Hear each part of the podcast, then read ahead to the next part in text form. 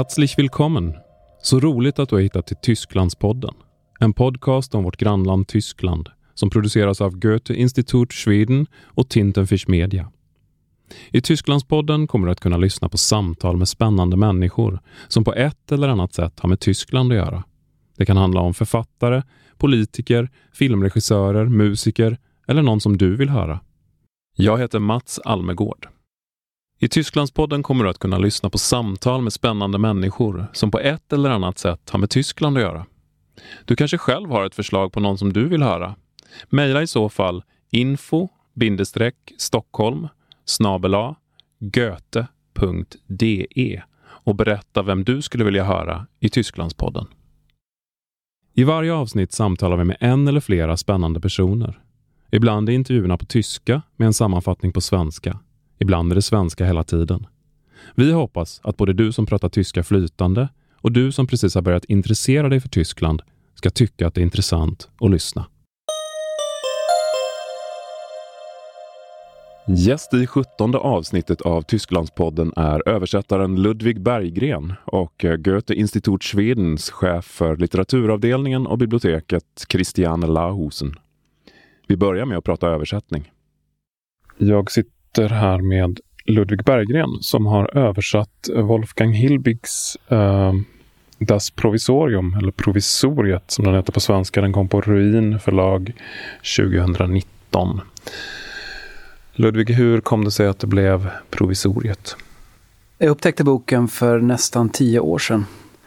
Om det var en bokhandel eller om det var en nätbokhandel, det minns jag inte. Men jag letade efter en bra samtida tysk författare att översätta.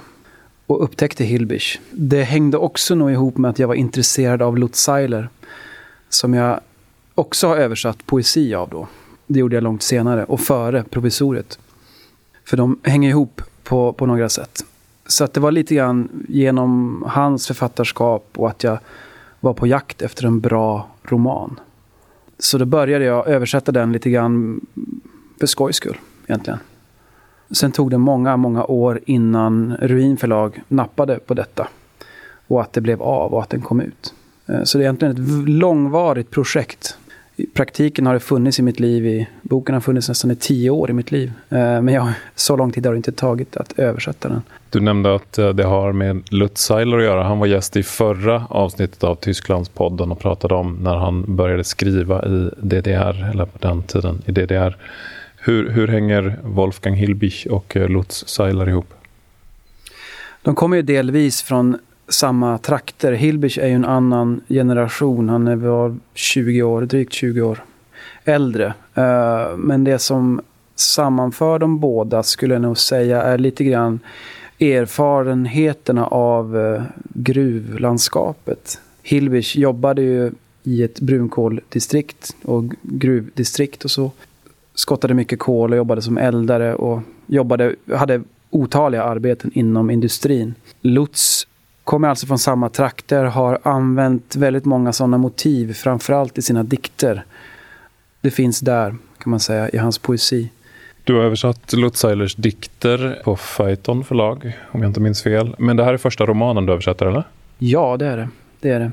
På 325 sidor, så den är ju ganska saftig för att vara den första romanen man tar sig an. Det är också en väldigt kompakt text och en väldigt svår text, skulle jag säga. Men den blev den blev bra till slut. Skiljer det sig mycket att översätta prosa från lyrik? Ja, det gör det. I poesin så finns det mindre text att arbeta med. Och det blir mycket mer märkbart om man så att säga gör fel eller att det missljuder eller på något sätt avviker. I poesin ska allting stämma. I prosan så kan man luta sig tillbaka i, i de idiomatiska vändningarna, i i den prosarytm som man liksom kan skapa. Så att prosöversättning handlar ju mycket om att beakta den litterära tonen men också göra det idiomatiskt och gångbart på svenska. Inom poesin så är det inte ens säkert idiomatiken har någon roll. Eh, det kan låta precis som det vill egentligen. Så det, det, är ett, det är ett helt annat sätt att hålla på med litteratur och litterär översättning. Du sa förut att du hade letat efter en samtidsroman som kändes intressant att översätta. Du fastnade för Das Provisorium. Men det är ju, om man tänker kronologiskt så började du ju från slutet i Hilbichs eh, korta romanverk. Ja, det gjorde det. Det är ju hans allra sista bok. Eh, den utkom år 2000. Han dog 2007 i, i cancer. Strängt taget har väl han skrivit tre romaner och sen många kortromaner eller långnoveller, hur man nu vill se det. Jag tyckte väl helt enkelt att den var den som tilltalade mig mest. Och kanske är det också hans bästa roman. Hans mest kända roman är ju Ich, jag. Och det är en helt annan typ av roman. Väldigt genomarbetad och konstfull. Provisoriet är lite mer skriven direkt ur hjärtat, så att säga. Den har en ärligare och råare kraft än någonting annat han har skrivit, skulle jag säga. Så att jag gillade den helt enkelt. Det var, det var de kvaliteterna du såg med texten när du bestämde dig för att översätta den, eller? Ja, verkligen. Jag, jag ville ha en... Jag letade efter en uh, kraftfull, modern tysk prosa.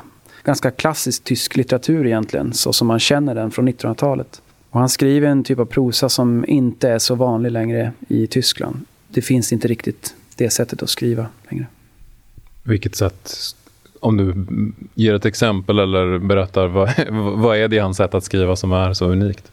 Jag tror han ansluter sig till en, till en eh, tysk tradition med ganska långa meningar, ett, ett komplicerat tankeinnehåll, en, också en ironi, en språklig kraft, en, en stor uttrycksfullhet i, i, eh, i prosan som, som nog blir allt mer ovanlig när man går mot en kanske kortare berättarstil och lite enklare meningar. Och också ligger närmare vardagsuttryck och så. Hilbich är ju ganska fantasifull och nyttjar sig väldigt mycket av myten och, och inbildningskraften kan man väl säga. Även om provisoriet är en ganska alldaglig roman på många sätt. Men så dyker det där upp då och då. Det är liksom översinnliga kan man säga. Du nämnde Ish förut och eh, som titeln antyder så handlar det väl kanske också en hel del om författaren Wolfgang Hilbich. Alltså det finns självbiografiska drag i den, men det gör det också i Das Provisorium. Eh, om du skulle dra handlingen kort, vad, vad är det egentligen som händer i eh, den här romanen då översatt? Hilbich bestämde sig i mitten av 90-talet att han eh, behövde sammanfatta, kan man säga, i litterär stil en, en period av sitt liv. Så han blickade tillbaka på åren 85-86 då han beviljades visum att lämna öst och åka över till väst. Eh, och det var en väldigt omvälvande period för honom. Han eh, hade många olika, olika kärleksförhållanden. Han eh, led av ganska så svår alkoholism. Hade delvis skrivkramp. Och såklart fick han lämna sitt hemland för, för grannlandet väst. Och bara det var ju förstås någonting oerhört stort och prövande. Och det är också det som gestaltas i provisoriet.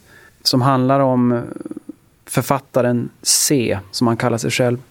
Som i slutet av 90-talet blickar tillbaka på de här åren. Så det är en roman som handlar om mötet med väst.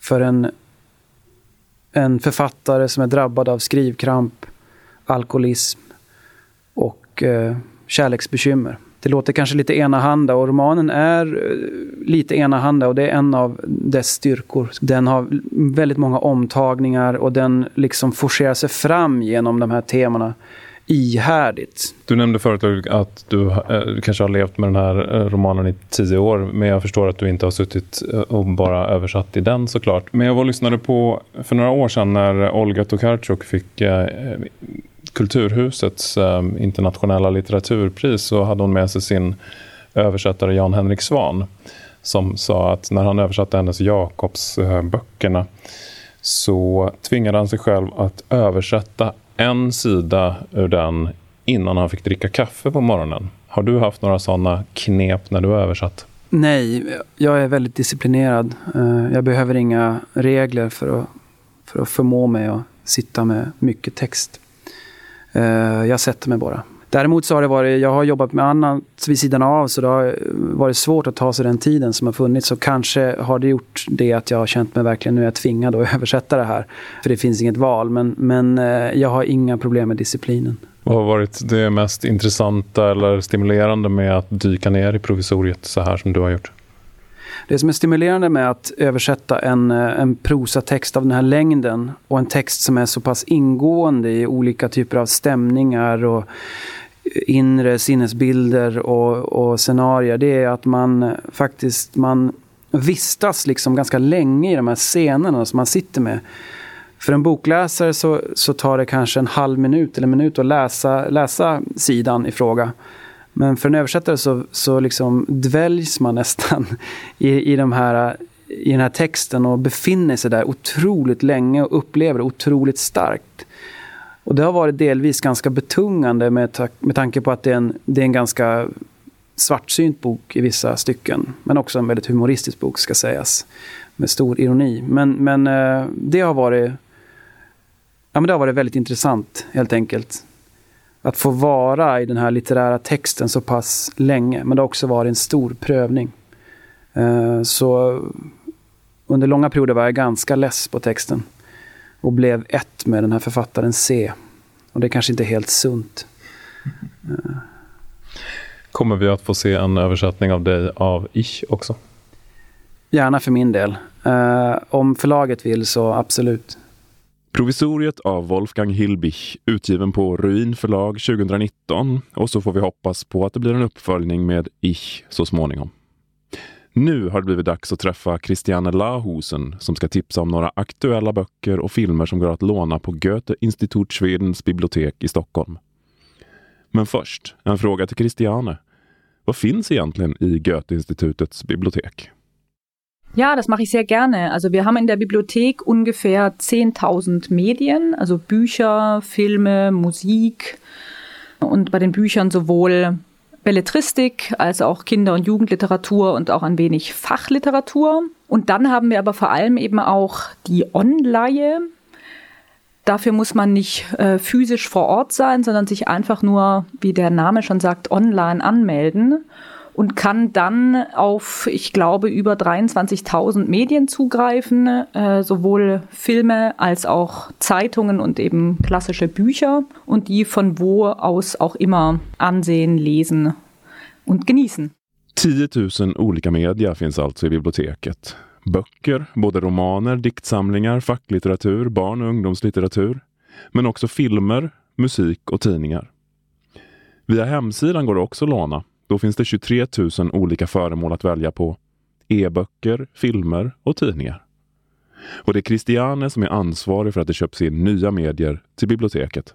Genau, dafür bin ich verantwortlich. Also ich kaufe ähm, regelmäßig neue Bücher. Vor allem sind wir spezialisiert auf Neuerscheinungen. Also wir sind ähm, auf die deutsche Gegenwartsliteratur spezialisiert und auf neuere Filme, haben aber natürlich auch Goethe und die Klassiker im Repertoire, aber in deutlich geringerem Umfang. Und ich habe eben jetzt gerade wieder eine neue Bestellung erhalten und aus der Bestellung wollte ich gerne ein paar, äh, wie ich finde, sehr sehenswerte und lesenswerte Titel vorstellen. Nyutkomna böcker och nya filmer är alltså specialområdet. Och nu ska vi få några tips från det senaste inköpet till biblioteket. Christiane börjar med att rekommendera filmen 25 Kilometer pro Stunde, alltså 25 kilometer i timmen. Es ist eine Geschichte über zwei Brüder, die sich anlässlich der Beerdigung ihres Vaters in einem Schwarzwälder Dorf wiedersehen. Der eine Bruder hat den Vater bis zum Ende gepflegt und der andere Bruder war in den USA, meine ich, als Finanz- Mensch ständig unterwegs und hat sich nie zu Hause gemeldet, was eben auch sofort zu einem sehr konflikthaften Treffen führt. Die beiden beginnen nämlich sich am Grab des Vaters zu prügeln. und das klingt natürlich jetzt erstmal auch irgendwie so sehr abgeschmackt oder irgendwie ähm, klischeehaft, aber die beiden Schauspieler schaffen es, äh, dass das eben während des gesamten Films und der gesamten Erzählung einfach nie klamaukig oder klischeehaft wird. Und das fand ich ein kleines Wunder bei dieser Geschichte.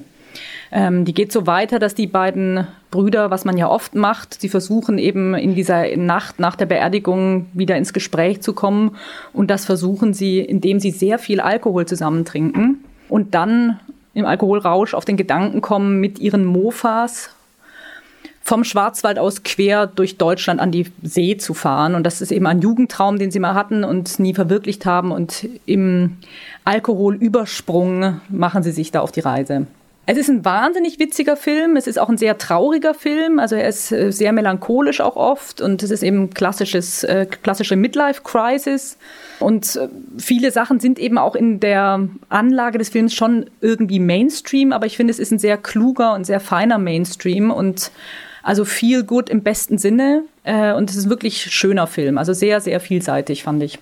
25 kilometer per Stunde handlar om två bröder som träffar när deras pappa ska begravas, berättar Christiane. De här bröderna har inte träffats på väldigt länge och de börjar direkt slåss vid pappans grav. Men efter att ha supit sig fulla tillsammans på natten efter begravningen så bestämmer de sig för att resa genom Tyskland på sina mopeder just i 25 kilometer i timmen. Christiane säger att det är en bra feelgood-film med fina skådespelarprestationer. Hon säger att det både är roligt och allvarligt och rekommenderar filmen varmt. Nästa tips är en tv-serie.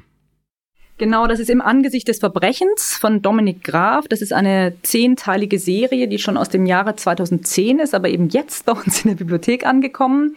Und das war damals so ein bisschen äh, der Versuch, also viele haben es immer die deutschen Sopranos genannt, so weit würde ich nicht gehen. Es ist schon was sehr anderes, aber es ist eben, also spielt in Berlin im russischen Mafia-Milieu und es ist eine sehr spannende Geschichte. Also wer Mafia mag und wer Berlin mag, der wird das auf jeden Fall gerne angucken und sich gut unterhalten fühlen. Und Dominik Graf ist eben sehr guter Regisseur. Die Schauspieler sind sehr gut. Und es ist ein bisschen so der klassische Konflikt. Also dass der Polizist, der im Mafia-Milieu ermittelt, hat eine Schwester, die mit dem Mafia-Paten verheiratet ist. Also sind die ganz großen Themen. Es ist eben Loyalität und Liebe und Gerechtigkeit und alles, was in Mafia-Filmen immer eine Rolle spielt, aber was ja im echten Leben eben auch oft eine Rolle spielt. Im angesichts des Verbrechens har några år på nacken. Den kom ursprungligen 2010, men Christiane tycker att det är en serie som förtjänar att ses fortfarande. Det är en spännande kriminalserie som utspelar sig i maffiamiljö i Berlin. Poliser och maffiamedlemmar porträtteras av bra skådespelare. Det är en serie som i Tyskland faktiskt jämförts med Sopranos, även om så bra kanske den inte är, säger Christiane. Men den handlar om kärlek, brott och lojalitet. Som litteraturansvarig vill Christiane givetvis också ge några bra litteraturtips. Bland de nyinköpta böckerna nämner hon först Der Reisende av Ulrich Alexander Boschwitz, som nyligen kom på svenska. Genau, von Ulrich Alexander Boschwitz. Das ist Der Reisende, ist gerade bei Bonjasch von Jens Ahlberg übersetzt erschienen schon ist in Deutschland eben, das ist das Erstaunliche, erst letztes Jahr, nee, vorletztes Jahr 2018 erschienen äh, und wurde dort als literarische Sensation gefeiert, da der Roman eben 80 Jahre zuvor entstanden ist. Ähm, und die Nichte des Autors hat sehr, sehr lange, über viele Jahrzehnte dafür gekämpft, dieses Manuskript zu veröffentlichen von Boschwitz, der auf der Flucht vor den Nazis ums Leben gekommen ist. Boschwitz beschreibt eben die Geschichte von einem Kaufmann aus Berlin, einem jüdischen Kaufmann, was für ihn keine Rolle spielt, bis eben die Nationalsozialisten an die Macht kommen und er dann zum Gejagten wird. Inhaltlich eine Sensation sozusagen, weil es eigentlich das erste Zeugnis von, äh, literarische Zeugnis von der Pogromnacht ist. Es ist aber auch literarisch ein unglaublich gutes Buch. Also es ist nicht nur ein Zeitzeugnis, sondern wirklich auch ein sehr gut geschriebenes Buch.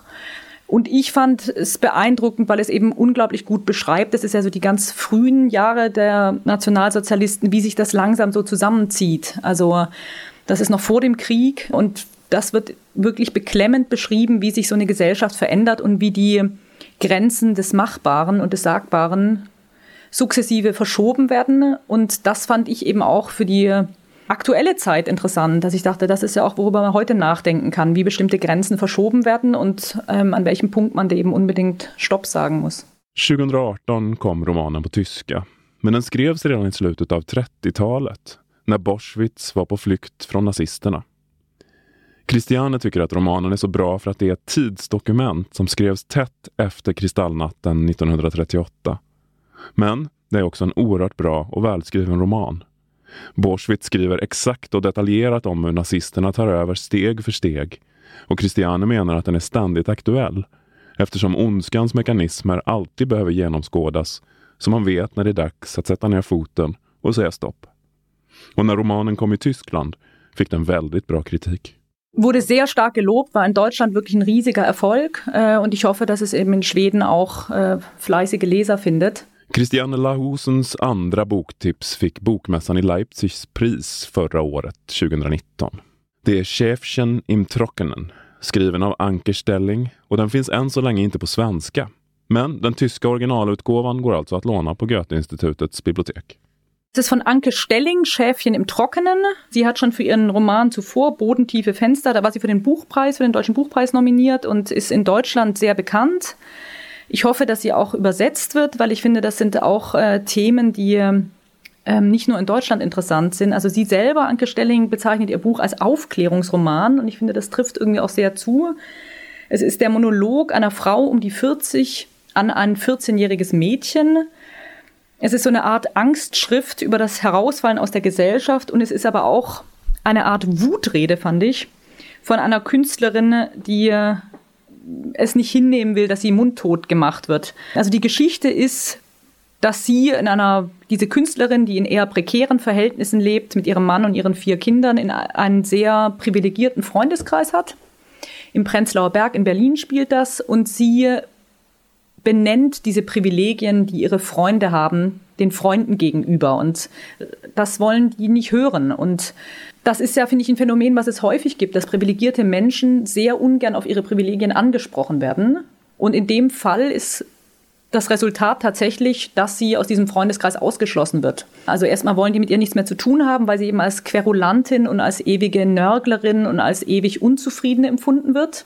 Es hat aber auch ganz handfeste Konsequenzen. Sie lebt zur Miete in einer Wohnung, die einem dieser Freunde gehört und diese Wohnung wird ihr gekündigt daraufhin.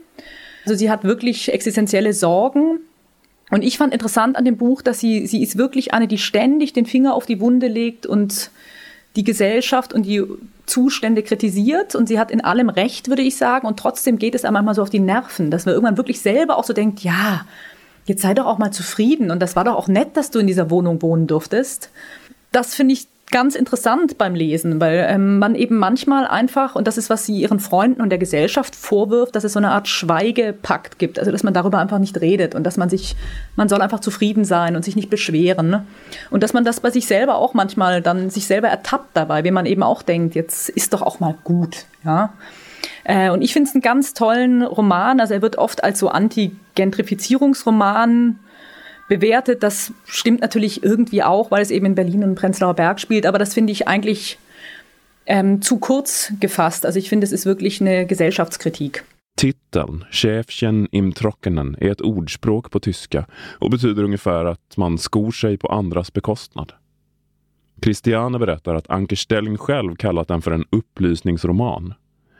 Berättarjaget är en 40-årig kvinna som håller en monolog riktad till en 14-årig flicka om hur hon som konstnär i Prenzlauer Berg i Berlin blir utesluten ur sin vänskapskrets efter att hon har börjat prata om hur privilegierade de alla är. Ingen i, ingen i hennes omgivning vill lyssna på henne och hon förlorar till och med sin lägenhet som hon hyrt av en vän eftersom hon klagar på hur bra de har det. Christiane menar att Anker Stelling sätter fingret på ömma punkter i samhället. Och när berättarjaget i boken bryter tystnadskulturen blir hon problematisk. Christiane tycker att det är en fruktansvärt bra och välskriven roman, men som också är lite jobbig att läsa. Och med de orden är det slut för den här gången. Tysklandspodden produceras av mig, Mats Almegård, på Tintenfisch Media för Goethe Institut Schweden. Ljudproducent är Andreas Tilliander. Vi hörs snart igen. I nästa avsnitt besöker vi svenska ambassaden i Berlin för ett samtal med Sveriges kulturråd, Nina Katarina Karlsson. Missa inte det. Auf Wiederhören.